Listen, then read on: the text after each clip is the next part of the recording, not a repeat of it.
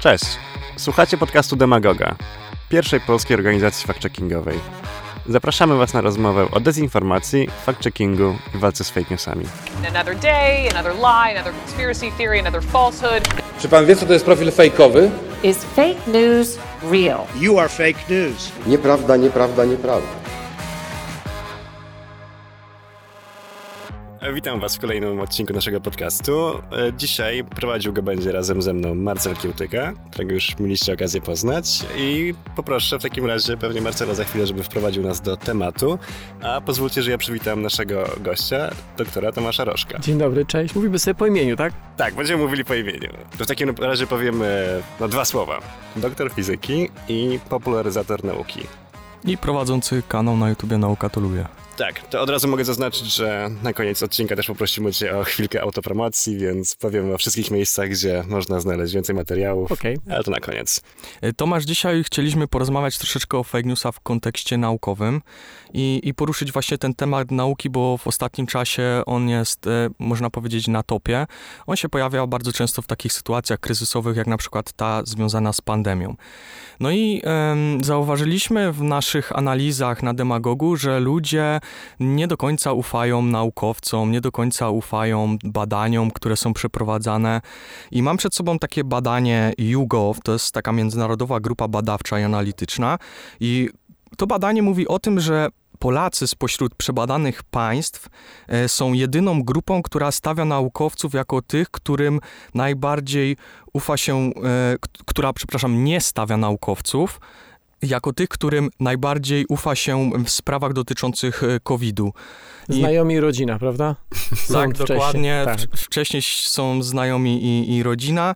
No i chciałem, chciałem cię zapytać, dlaczego my y, wypadamy tutaj najgorzej, ponieważ no, niestety z tych badań e, to wy, wynika. Dlaczego my nie, nie ufamy naukowcom?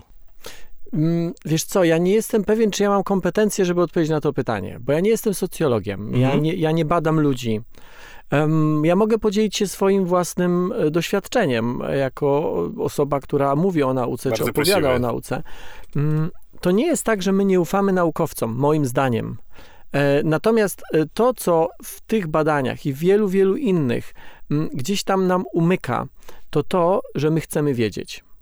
Jak czasami się zastanawiam, e, skąd się bierze tak ogromna popularność e, fejków w nauce, bo, bo fejki w polityce moim zdaniem mają zupełnie inne, inne źródło. Tak, tak, Em, Natomiast w nauce, to myślę sobie, że to jest obraz nędzy i rozpaczy naszego systemu edukacji i systemu komunikacji naukowej.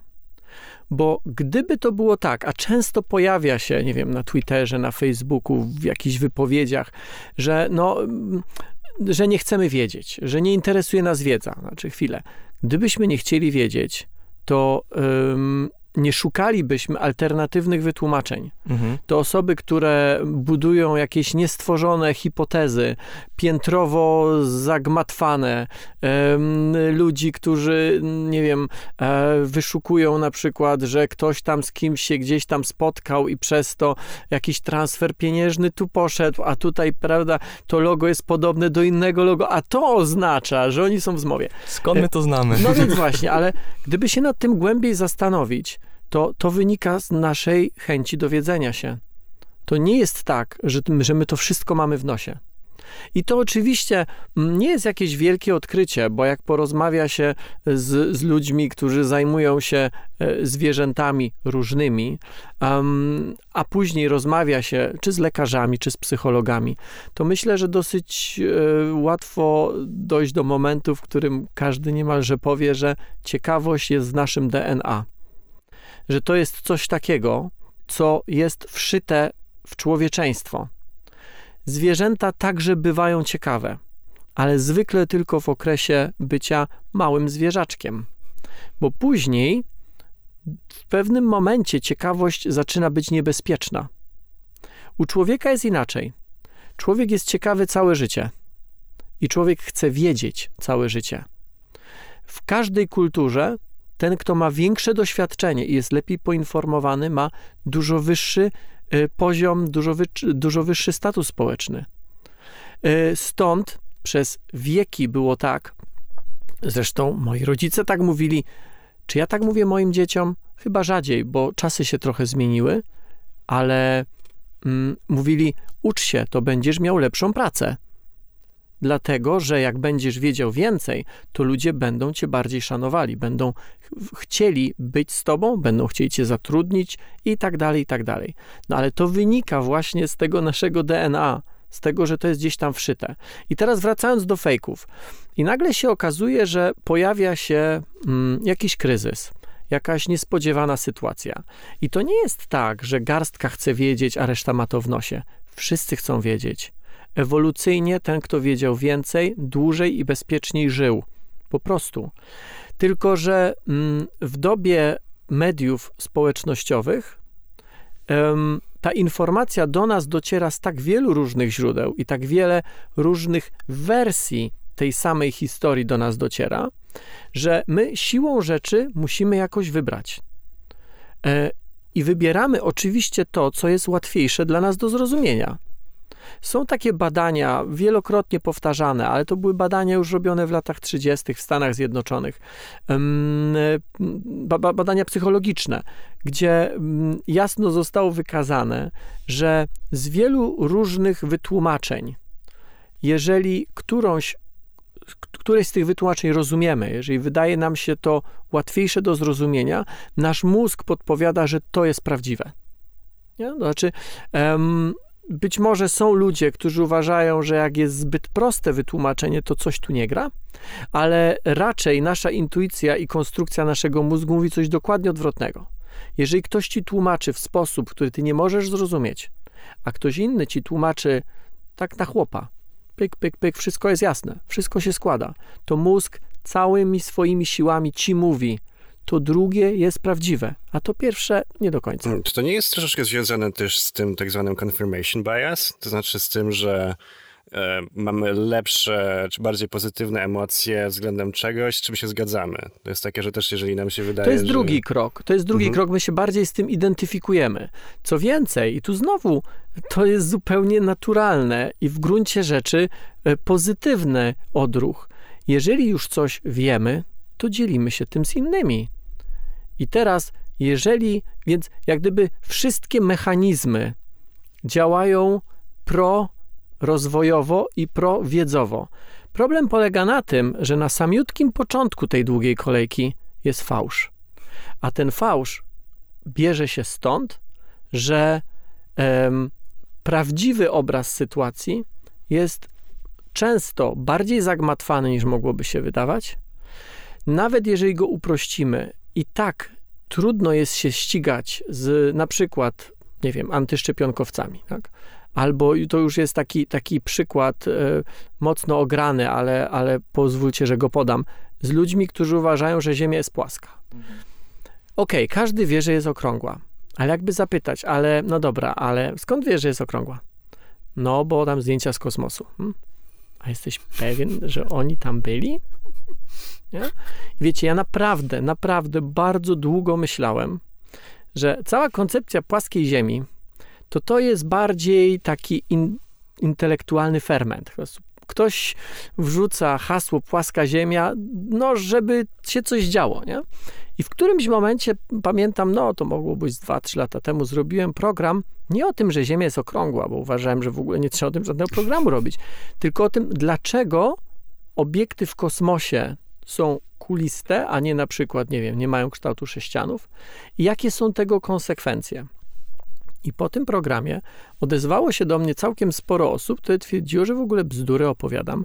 Na YouTubie zresztą jest taka długa analiza jednego człowieka, który pokazuje krok po kroku, jakie bzdury opowiadam o tej okrągłości Ziemi, o tej kulistości Ziemi.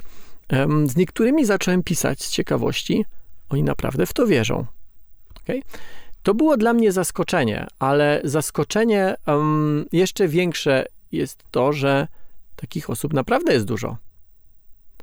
I jak zastanawiam się, skąd one się biorą, to dochodzę do wniosku, że gdyby nie edukacja, to ja bym też uważał, że Ziemia jest płaska. Bo w- cała nasza intuicja, wszystkie nasze zmysły nam to mówią. Czyli wszystko inne, co przeczy intuicji, już ma trochę trudniej. Bo musisz złamać coś, co jest wszyte bardzo głęboko w naszą głowę. I na proste pytanie, no dobra, ale jak staniesz na środku pola, serio widzisz, że Ziemia jest okrągła? Jest kulą? No nie, widzisz, że jest płaska. Nie? Jak zaczynasz się zastanawiać, no to co, ci w Australii chodzą do góry nogami? Znowu intuicja ci mówi, ale jak to? Czy to co? To nie jest niedobrze na przykład? Jak, jak chodzą do góry nogami? Wiecie, znaczy tutaj kluczem jest rzeczywiście edukacja, bo w pewnym sensie edukacja kontroluje intuicję. Jeżeli odpuścimy sobie edukację, ale nie tylko tą edukację formalną, tu jest ogromna rola na przykład rodziców.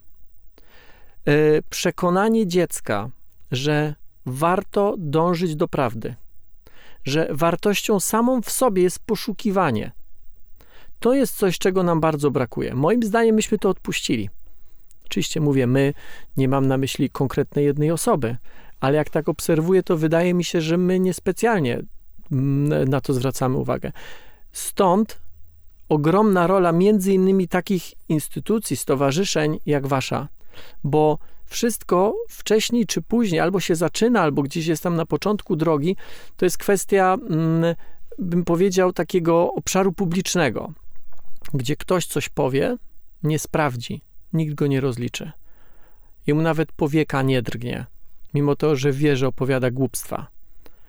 To idzie dalej. Czy jeżeli widzimy, że e, polityk, czy z tej, czy z innej strony opowiada głupie rzeczy, nieprawdziwe, po prostu kłamie, prosto patrząc nam w oczy i nic mu się nie dzieje, tylko awansuje, to jaki to jest przykład także dla młodych ludzi? Przeszliśmy do polityki, ale chcieliśmy o E, nauce. może Czekajcie. dzisiaj o polityce troszeczkę mniej będzie. Tak, słuchajcie, ale zanim jeszcze Marcel przejdzie dalej, ja wykreślam, mam taką całą listę różnych mitów i miskoncepcji związanych z kosmosem. Wykasowuję stamtąd w takim razie płaską Ziemię.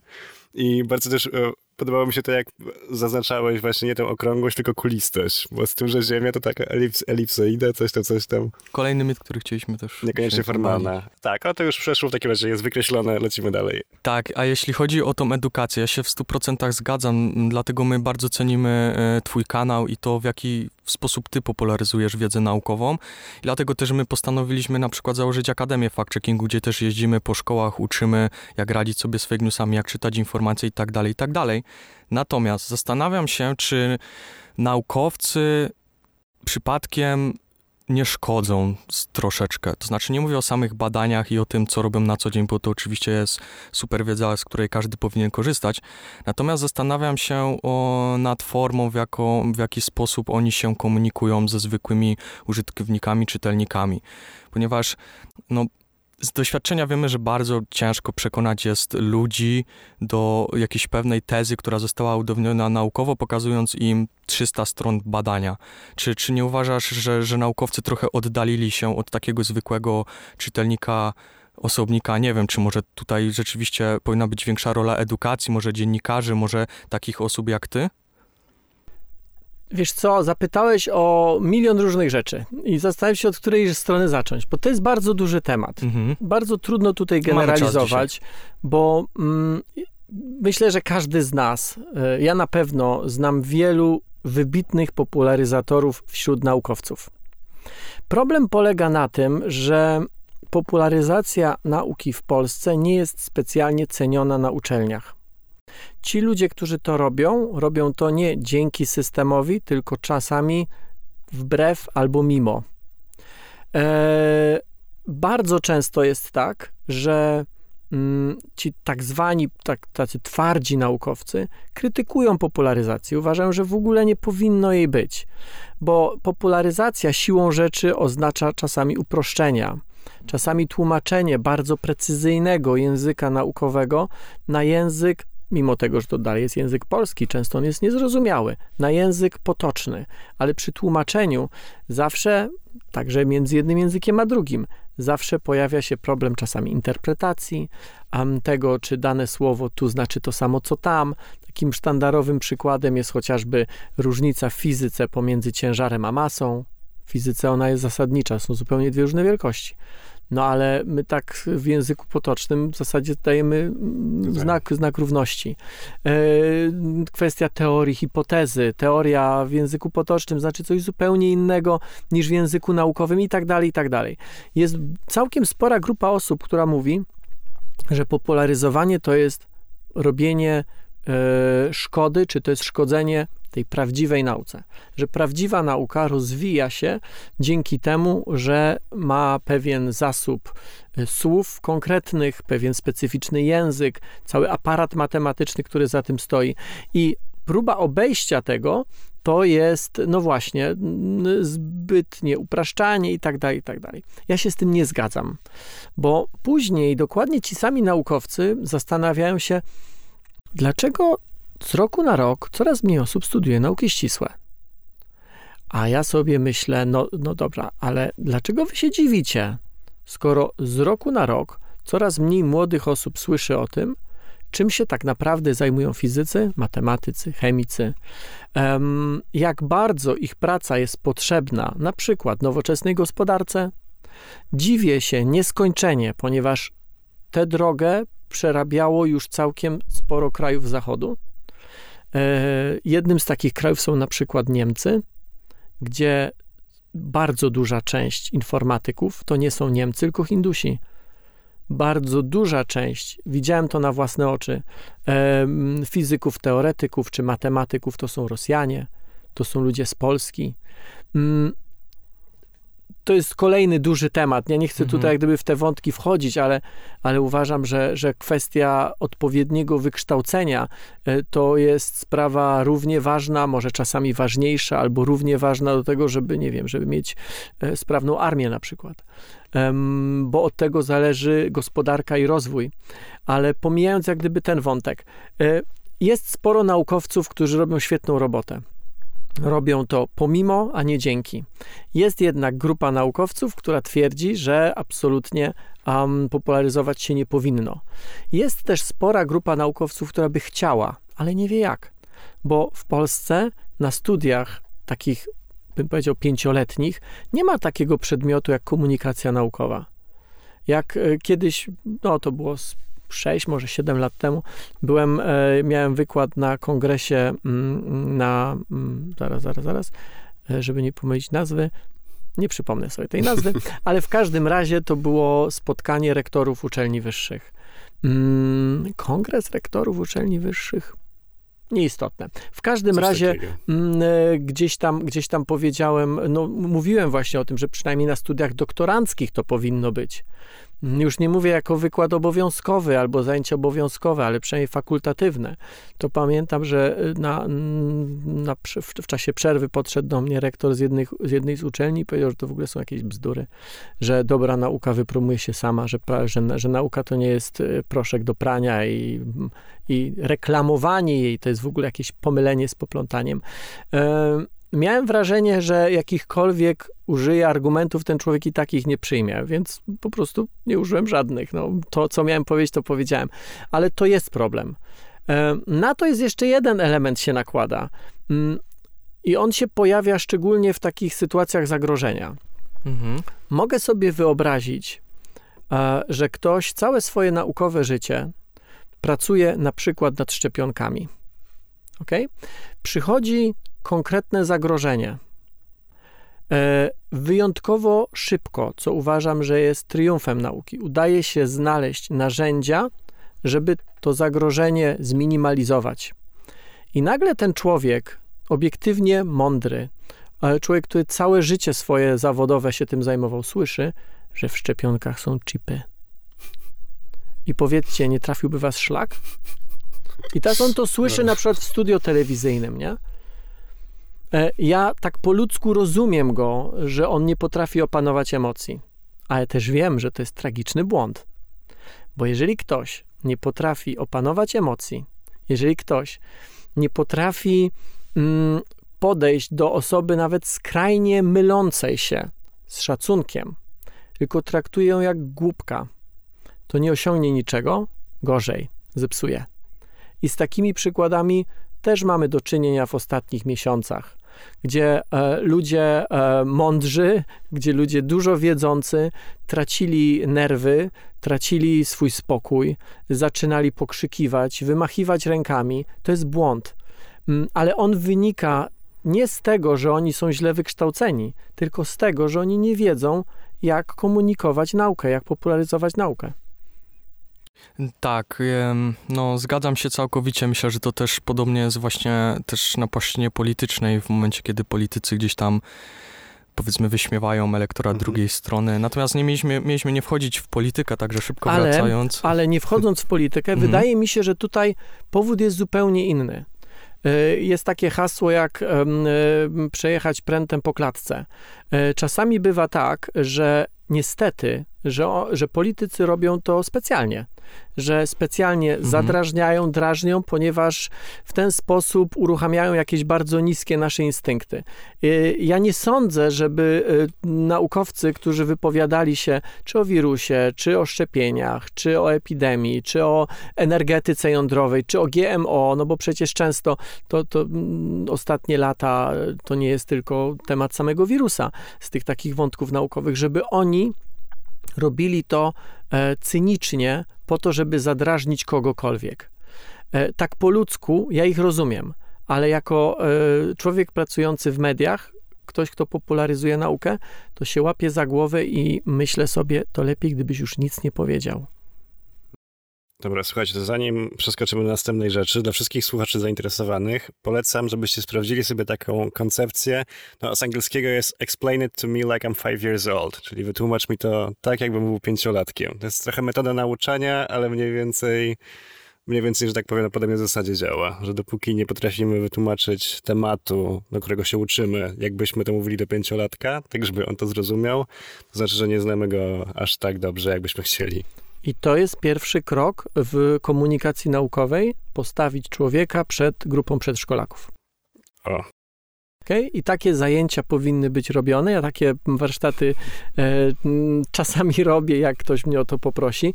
I to dla wielu mądrych, obiektywnie mądrych ludzi jest doświadczenie traumatyczne. My jeszcze z przedszkolakami nie pracowaliśmy, Polecam. ale być może warto wejść w, też w ten temat. Podstawówka, ta starsza, Tak, starsza podstawówka. Starsza podstawówka. Natomiast wspominałeś, Bartek, o tych takich misinterpretacjach, miskoncepcjach, czy może bardziej mitach, może powinniśmy to nazwać. I chciałbym, żebyś powiedział trochę więcej o tym w kontekście e, kosmosu, bo ostatnio dużo się o tym mówi. Tak, to znaczy, kiedy przygotowywaliśmy ten, ten podcast, to właśnie zastanawialiśmy się, co wyciągnąć, tak połączyć właśnie naukę z tymi fake newsami, z mitami. I no, dodatkowo ostatnio było to lądowanie na Marsie, więc to też duży temat, strasznie fajna sprawa. E, I pomyśleliśmy, no dobra, no to jak może jakieś właśnie takie miskoncepcje na temat kosmosu. I teraz skąd one się biorą i gdzie się w ogóle pojawiają? I mieliśmy wrażenie, że pojawia się ich bardzo, bardzo dużo i są związane z filmami science fiction. I ogólnie taką kulturą popularną, można powiedzieć. Tak, tak. I w ogóle robiliśmy cały po prostu research i właśnie listy różnych rzeczy, które... No to, to jest też coś takiego, że w pewnym momencie, jeżeli się już o tym dowie, jeżeli się o tym przeczyta, ogląda się jakiś film i co pięć minut ktoś po prostu łapie w środku i tak zgina, bo na przykład wiemy, że jest kompletnie inaczej, w tym filmie jest źle przedstawione. Okej, ale wiecie co, ja na przykład potrafię oglądać filmy mm, tak, że mnie w środku nic nie łapie. To znaczy, że potrafię oddzielić ten e, świat fikcji Mhm. filmowej, mm, no bo z drugiej strony, gdybym oglądał Kubusia Puchatka, znaczy wiem, że generalnie zające, króliki, tygrysy, Nie mówią. świnki nie mówią do siebie, nie? Nie, nie, nie rozmawiają z sobą. Tak, tak, ale na przykład y, ja jestem trochę fanem filmów Nolana i y, on porusza dużo takich tematów związanych z czasoprzestrzenią. Ja się zawsze gubię w tych filmach. Interstellar. Tak, Interstellar czy Tenet, Tenet, ostatnio. W e, tenecie zgubiłem się po prostu w jednej trzeciej filmu. ja- Już- ja, mm, coś, ja nie wiem, czy ja coś nie ogarnąłem, czy to oni po, coś, coś tu zakręcone. Tak, tak, ja też się trochę pogubiłem, muszę na pewno jeszcze raz obejrzeć ten film, żeby tam wyłapać te wszystkie wątki. Natomiast on e, słynie z tego, ten reżyser słynie z tego, że on jednak bazuje na jakichś podstawach naukowych. I nawet doczytałem gdzieś tam, że on prowadzi konsultacje z naukowcami po to, żeby te filmy gdzieś tam jednak trzymały się kupy, natomiast były też fajnie przedstawione po prostu, żeby ludzie szli do kina je oglądali. Ale jak już zacząłem się trochę bardziej wczytywać, to się okazało, że no nie do końca się tam wszystko jednak spina. Ja wiem, że to już jest kwestia tego, że no trzeba zachęcić ludzi, tak, żeby przyszli na ten film, żeby on fajnie wyglądał i tak dalej, i tak dalej. Natomiast Bartek, może poruszymy jakieś takie konkretne e, przykłady, o których Tak. E, sobie rozmawialiśmy Możemy, możemy zacząć od mojej ulubionej i czegoś, co akurat właśnie Nolan w Interstellarze moim zdaniem całkiem nieźle przedstawił Mhm.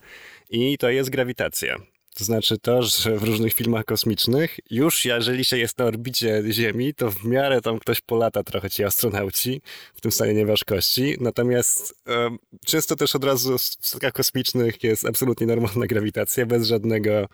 Tam no, u Nolana akurat jest taka konstrukcja, która się obraca i wywołuje ten efekt odśrodkowy, ma imitować tę grawitację. Natomiast to, co To mnie... też to jest przereklamowane. To znaczy, bo no to, to tak nie widzimy, działa no. tak, tak, tak do końca. No właśnie. Ale, ale, ale, znaczy, wiecie, bo to tak.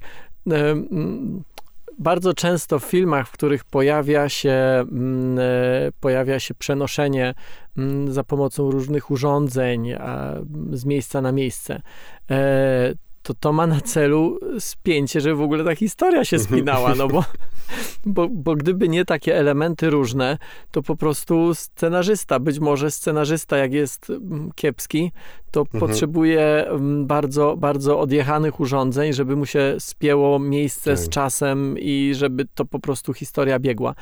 Ym, Okej, ale co z tą grawitacją? Tak, No jest tak, że właśnie to jeszcze te statki kosmiczne w miarę tam zawsze się tłumaczy, dobra, jest jakieś urządzenie, które tworzy też sztuczną grawitację.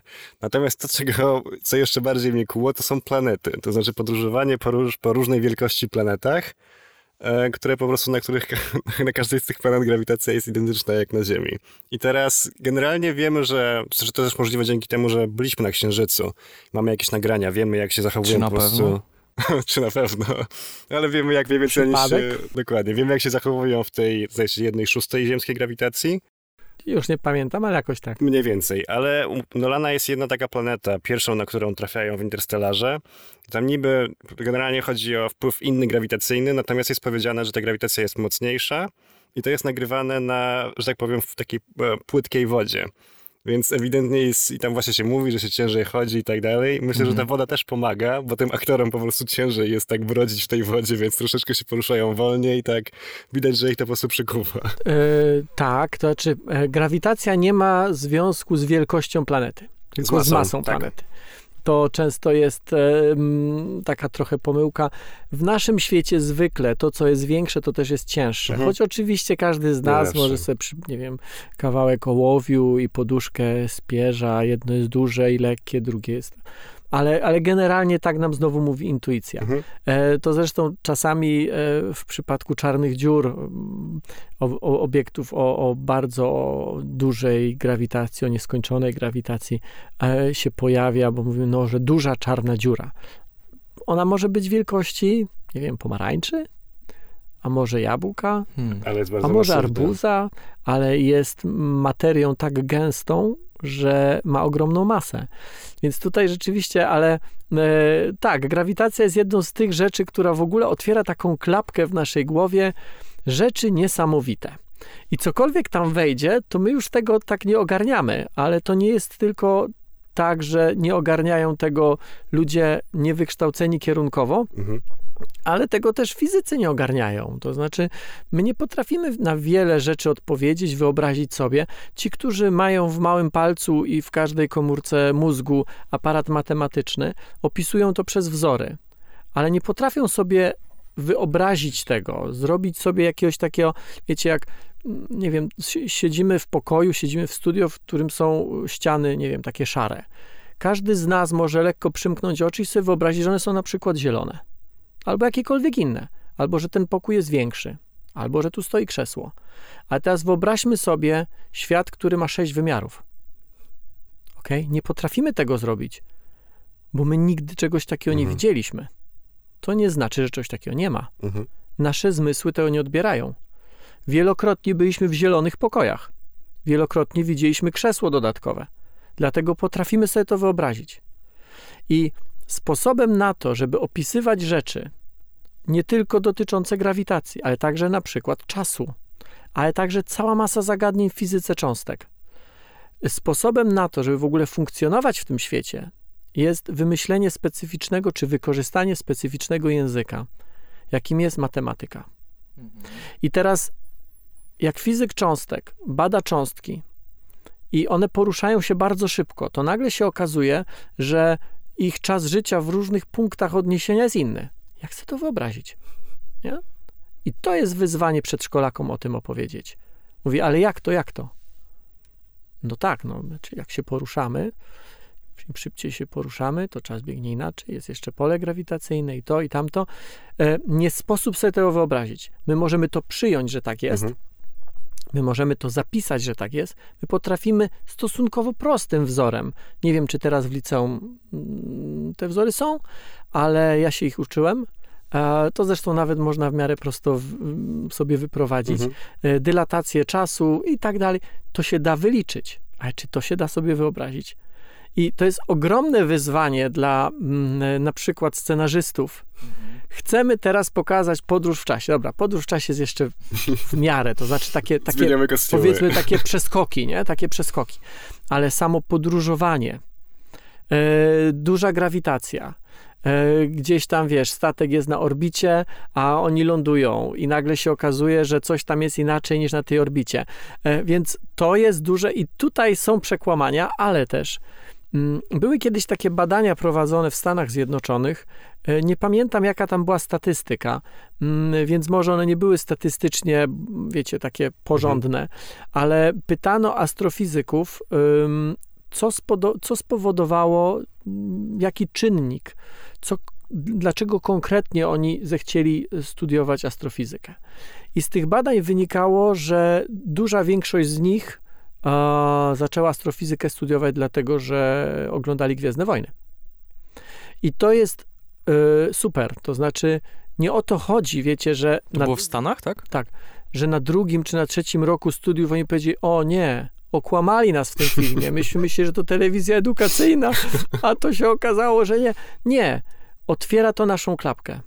Mhm. Interstellar, grawitacja, być może Tenet, być może nie. Mhm. On jest powiedzmy mało taki fizyczny, tak? Znaczy tam są elementy Mhm. ciekawe pokazane, ale on nie jest w tym sensie filmem naukowym, w takim sensie jak grawitacja, czy chociażby Interstellar.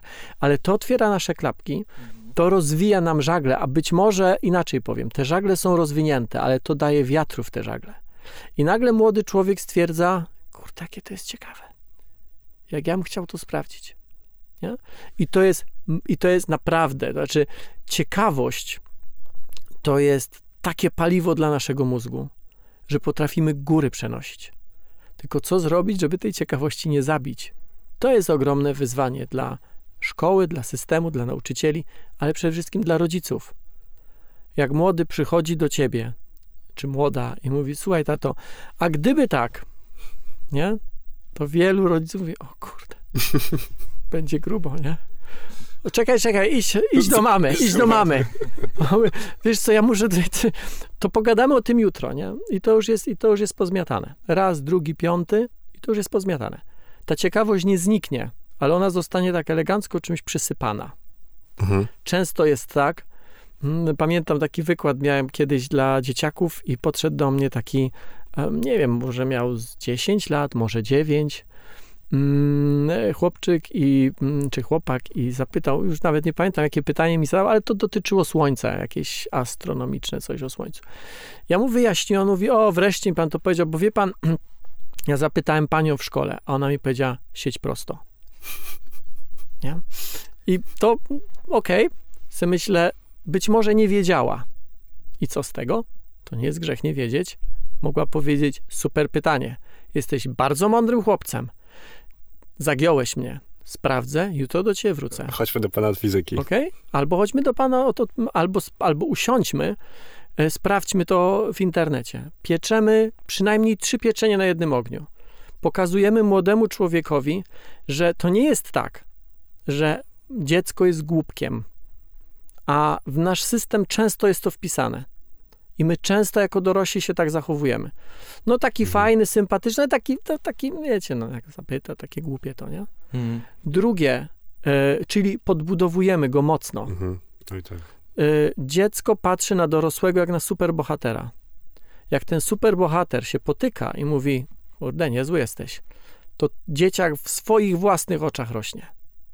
Drugie, pokazujemy mu, że sprawdzenie, że przyznanie się do błędu to nie jest absolutnie Niezłe. żaden grzech. A, to też my bardzo lubimy ten To temat. jest na całe życie nauka, bo każdy z nas się może mylić.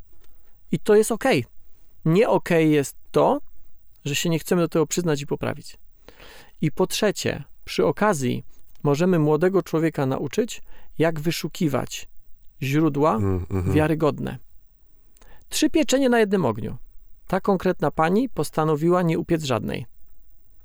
Całe szczęście trafiła na dzieciaka, u którego ciekawość była silniejsza niż próby jej zdławienia. I on podjął trud. Być może mama go zaprowadziła na mój wykład, a może gdzieś przeczytał, a może znalazł się przypadkiem nieistotne. Miał też w sobie na tyle odwagi, żeby do człowieka, którego nie zna, którego być może gdzieś widział wcześniej, ale ten człowiek, wiecie, stoi na scenie. Nie? Mhm. To jest zupełnie inna historia niż ja siedzący na publiczności, czy w publiczności na krześle. E, ale on podszedł i zapytał. I bardzo, bardzo mi zawsze szkoda tych potencjałów, tych młodych ludzi, którzy czasami z różnych względów, ja nie chcę źle mówić o nauczycielach, tak, wiecie, globalnie. Oni mają trudną pracę, odpowiedzialną pracę. Y, Jak trzydziestka podniesie ręce, to nic tylko uciekać, to wiadomo, że już jest po lekcji, ale, ale czasami mam wrażenie, że przynajmniej niektórzy z nich, wielu z nich mogłoby zrobić więcej. I rodziców, i nauczycieli. E, Mówiłeś też o tym przyznawaniu się do błędu, o wskazywaniu rzetelnych źródeł informacji. Myślę, że to jest bardzo istotne e, i my też staramy się to robić na naszych warsztatach i, w ogóle w naszej codziennej działalności, bo jakby też kierujemy się pewnymi zasadami, korekt, y, na przykład zasadą otwartych korekt.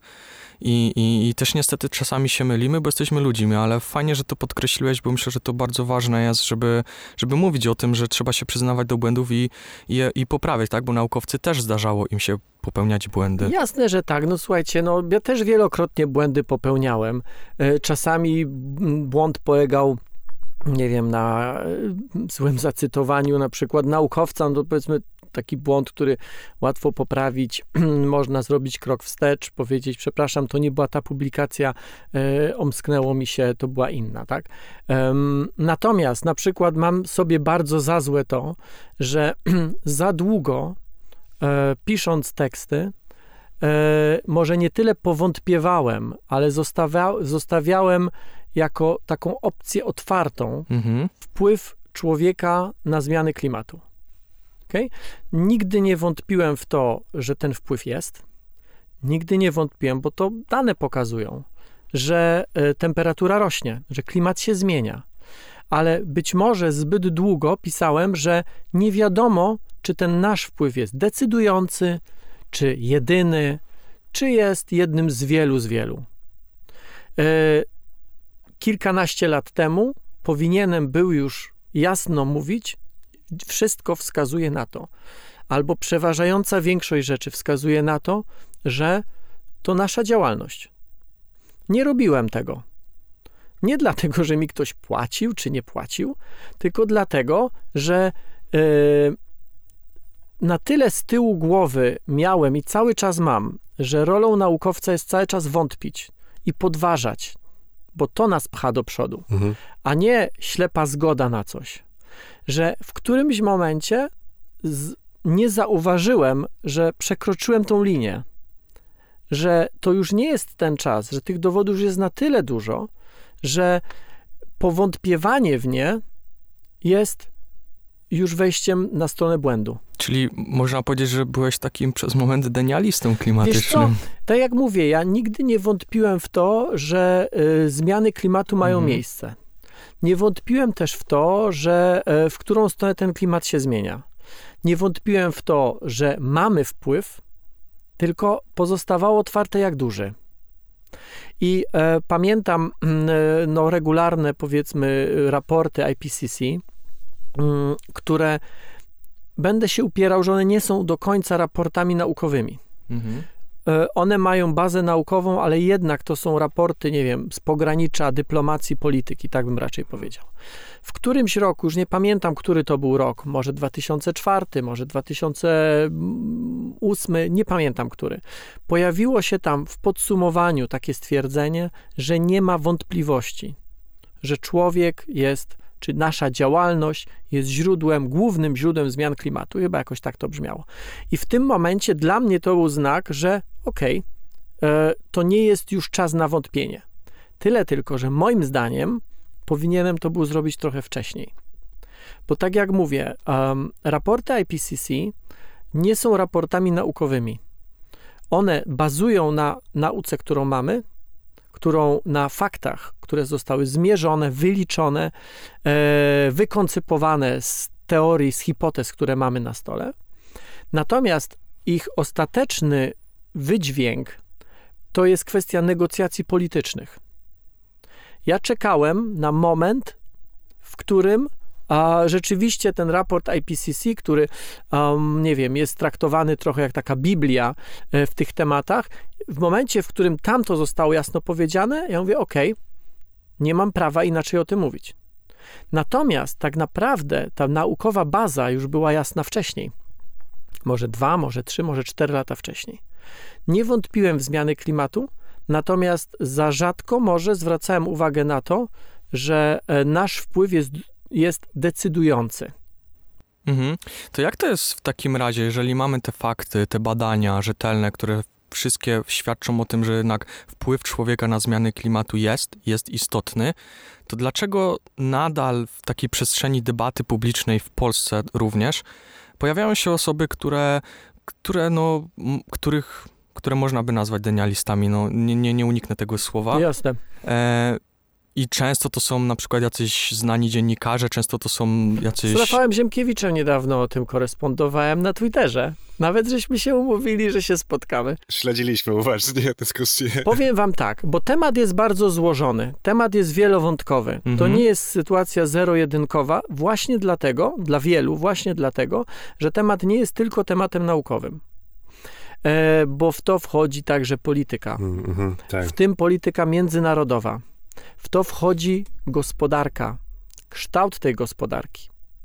E, jest wielu ludzi, którzy mówią: Nie mamy wątpliwości co do tego, że człowiek wpływa na klimat, ale uważamy, że um, droga, jaką obrała Unia Europejska, albo no głównie Unia Europejska, bo w zasadzie jest jedyną dużą organizacją międzynarodową, która w tym kierunku idzie, reszta raczej mówi, że idzie, e, że to jest zła droga. Bardzo łatwo jest to powiedzieć, bo patrząc na szczegóły, to dzięki czemu Unii Europejskiej udaje się osiągać pewne wyniki w redukcji dwutlenku węgla na przykład? Dzięki transportowi swojego przemysłu gdzieś dalej. Mhm, dokładnie. I teraz ktoś mówi tak, chwila, chwila, chwila, chwila. Jak to działa?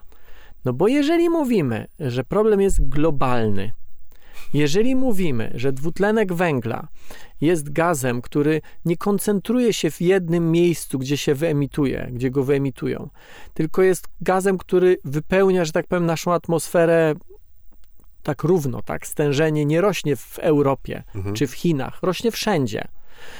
Co więcej, no tego często nie mówią, bo to już wymaga jakiejś pewnej trochę większej wiedzy, ale to jest gaz, który z nami zostanie na być może setki tysięcy lat to jest gaz bardzo trwały.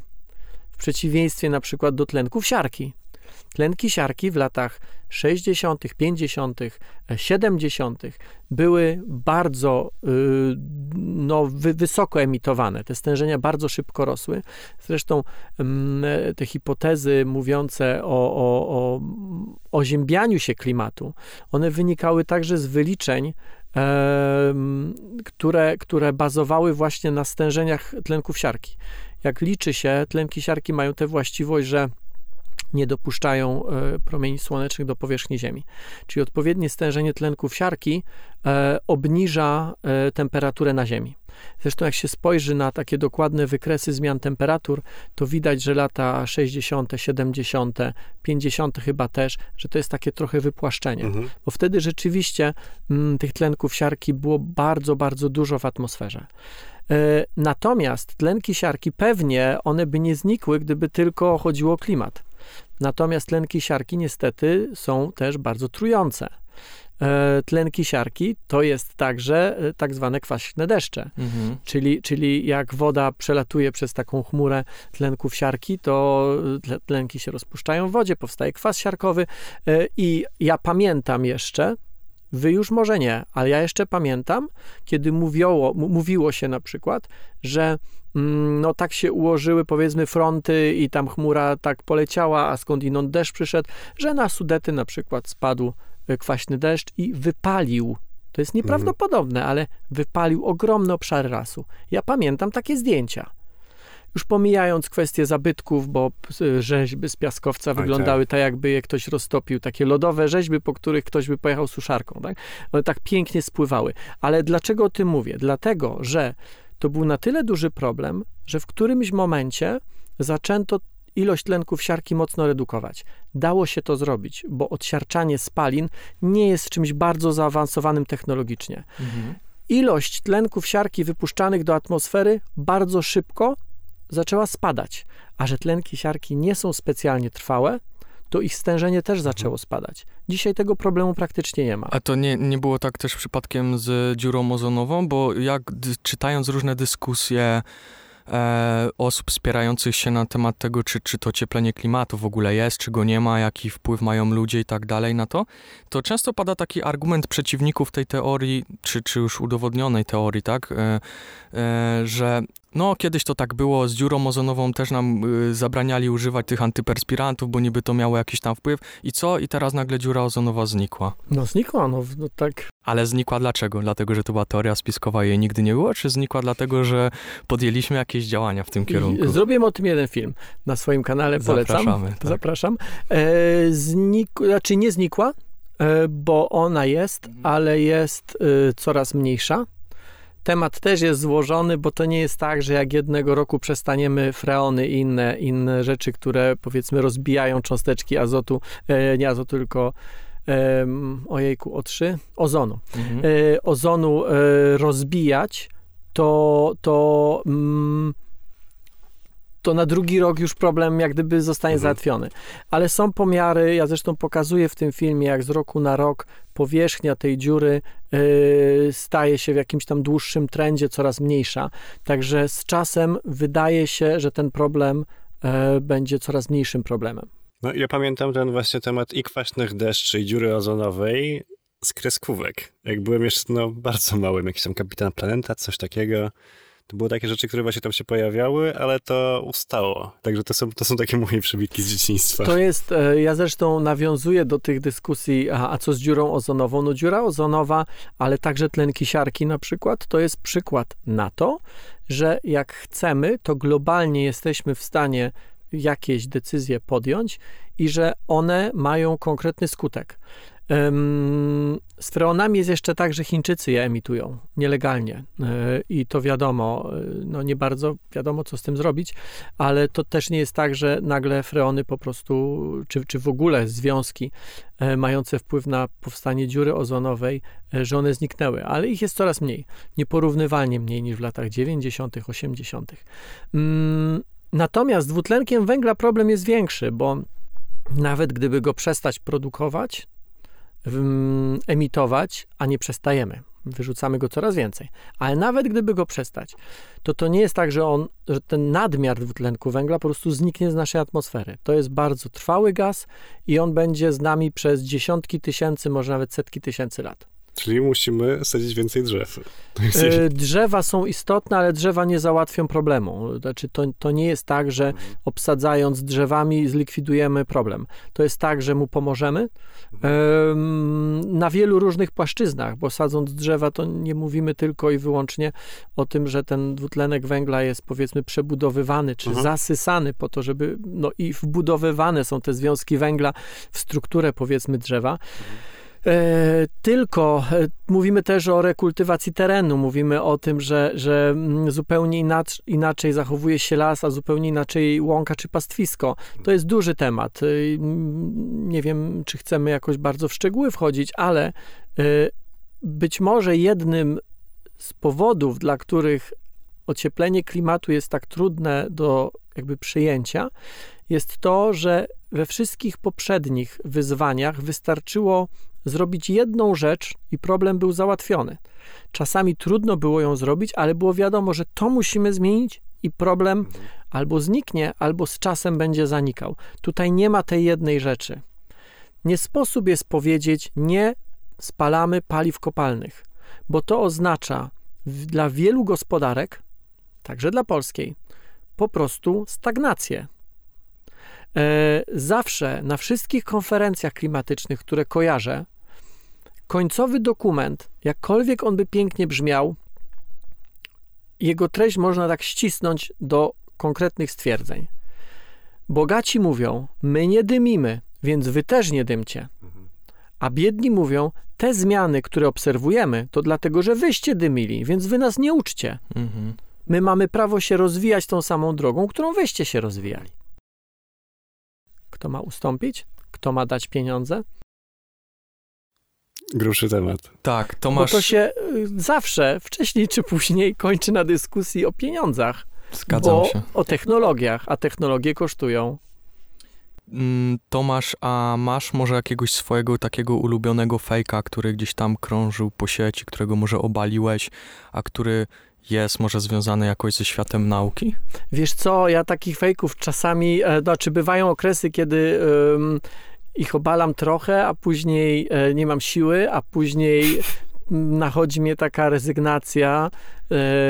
Później ktoś pisze, po co w ogóle się w to bawisz, przecież to są głupstwa.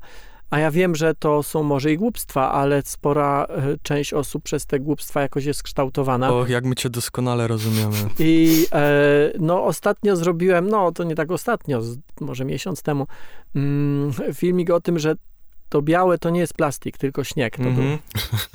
Taka pani z Hiszpanii Taka chyba, pani tak? z Hiszpanii, no ale teraz w Teksasie jest też mnóstwo takich. Tak. Ktoś tam suszarką, mm, widziałem na TikToku, ktoś mi podesłał, że suszarką jakaś pani jeździ po tym, inny pan tam naftą to polewał i podpalał i że to w ogóle na Teksas spadł plastik. To może powiedzmy, y, wytłumaczmy naszym czytelnikom, na, na czym polegał ten fake, bo tam, tam był taki... Tak, tam jak, znaczy osoba przedstawiająca się jako Polka z Hiszpanii. Ja tej pani nie znam. Mhm. Być może ona mieszka pod Kielcami na przykład, albo pod Gdańskiem, ale przedstawiała się jako pani z Hiszpanii, Polka z Hiszpanii.